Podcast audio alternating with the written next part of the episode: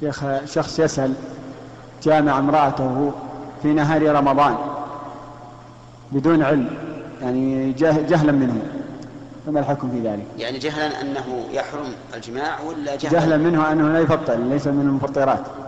يعني يظن أنه مباح. اي يظن أنه مباح. فلا شيء عليه. إذا جامع زوجته في نهار رمضان يظن أن الجماع لا بأس به فلا حرج عليه. لا إثم ولا كفار. لأن القاعدة أن كل من فعل محظورا في العبادة ناسا أو جاهلا فلا شيء عليه. شيخ ما يدفع لقول الله تعالى ربنا لا تؤاخذنا إن نسينا أو أخطأنا. فقال الله تعالى قد فعلت. ولقوله تعالى وليس عليكم جناح فيما أخطأتم به ولكن ما تعمدت قلوبكم. نعم. ما يدفع طبعا كفارة لهذا. ليس عليك كفارة ولا قضاء. جزاك الله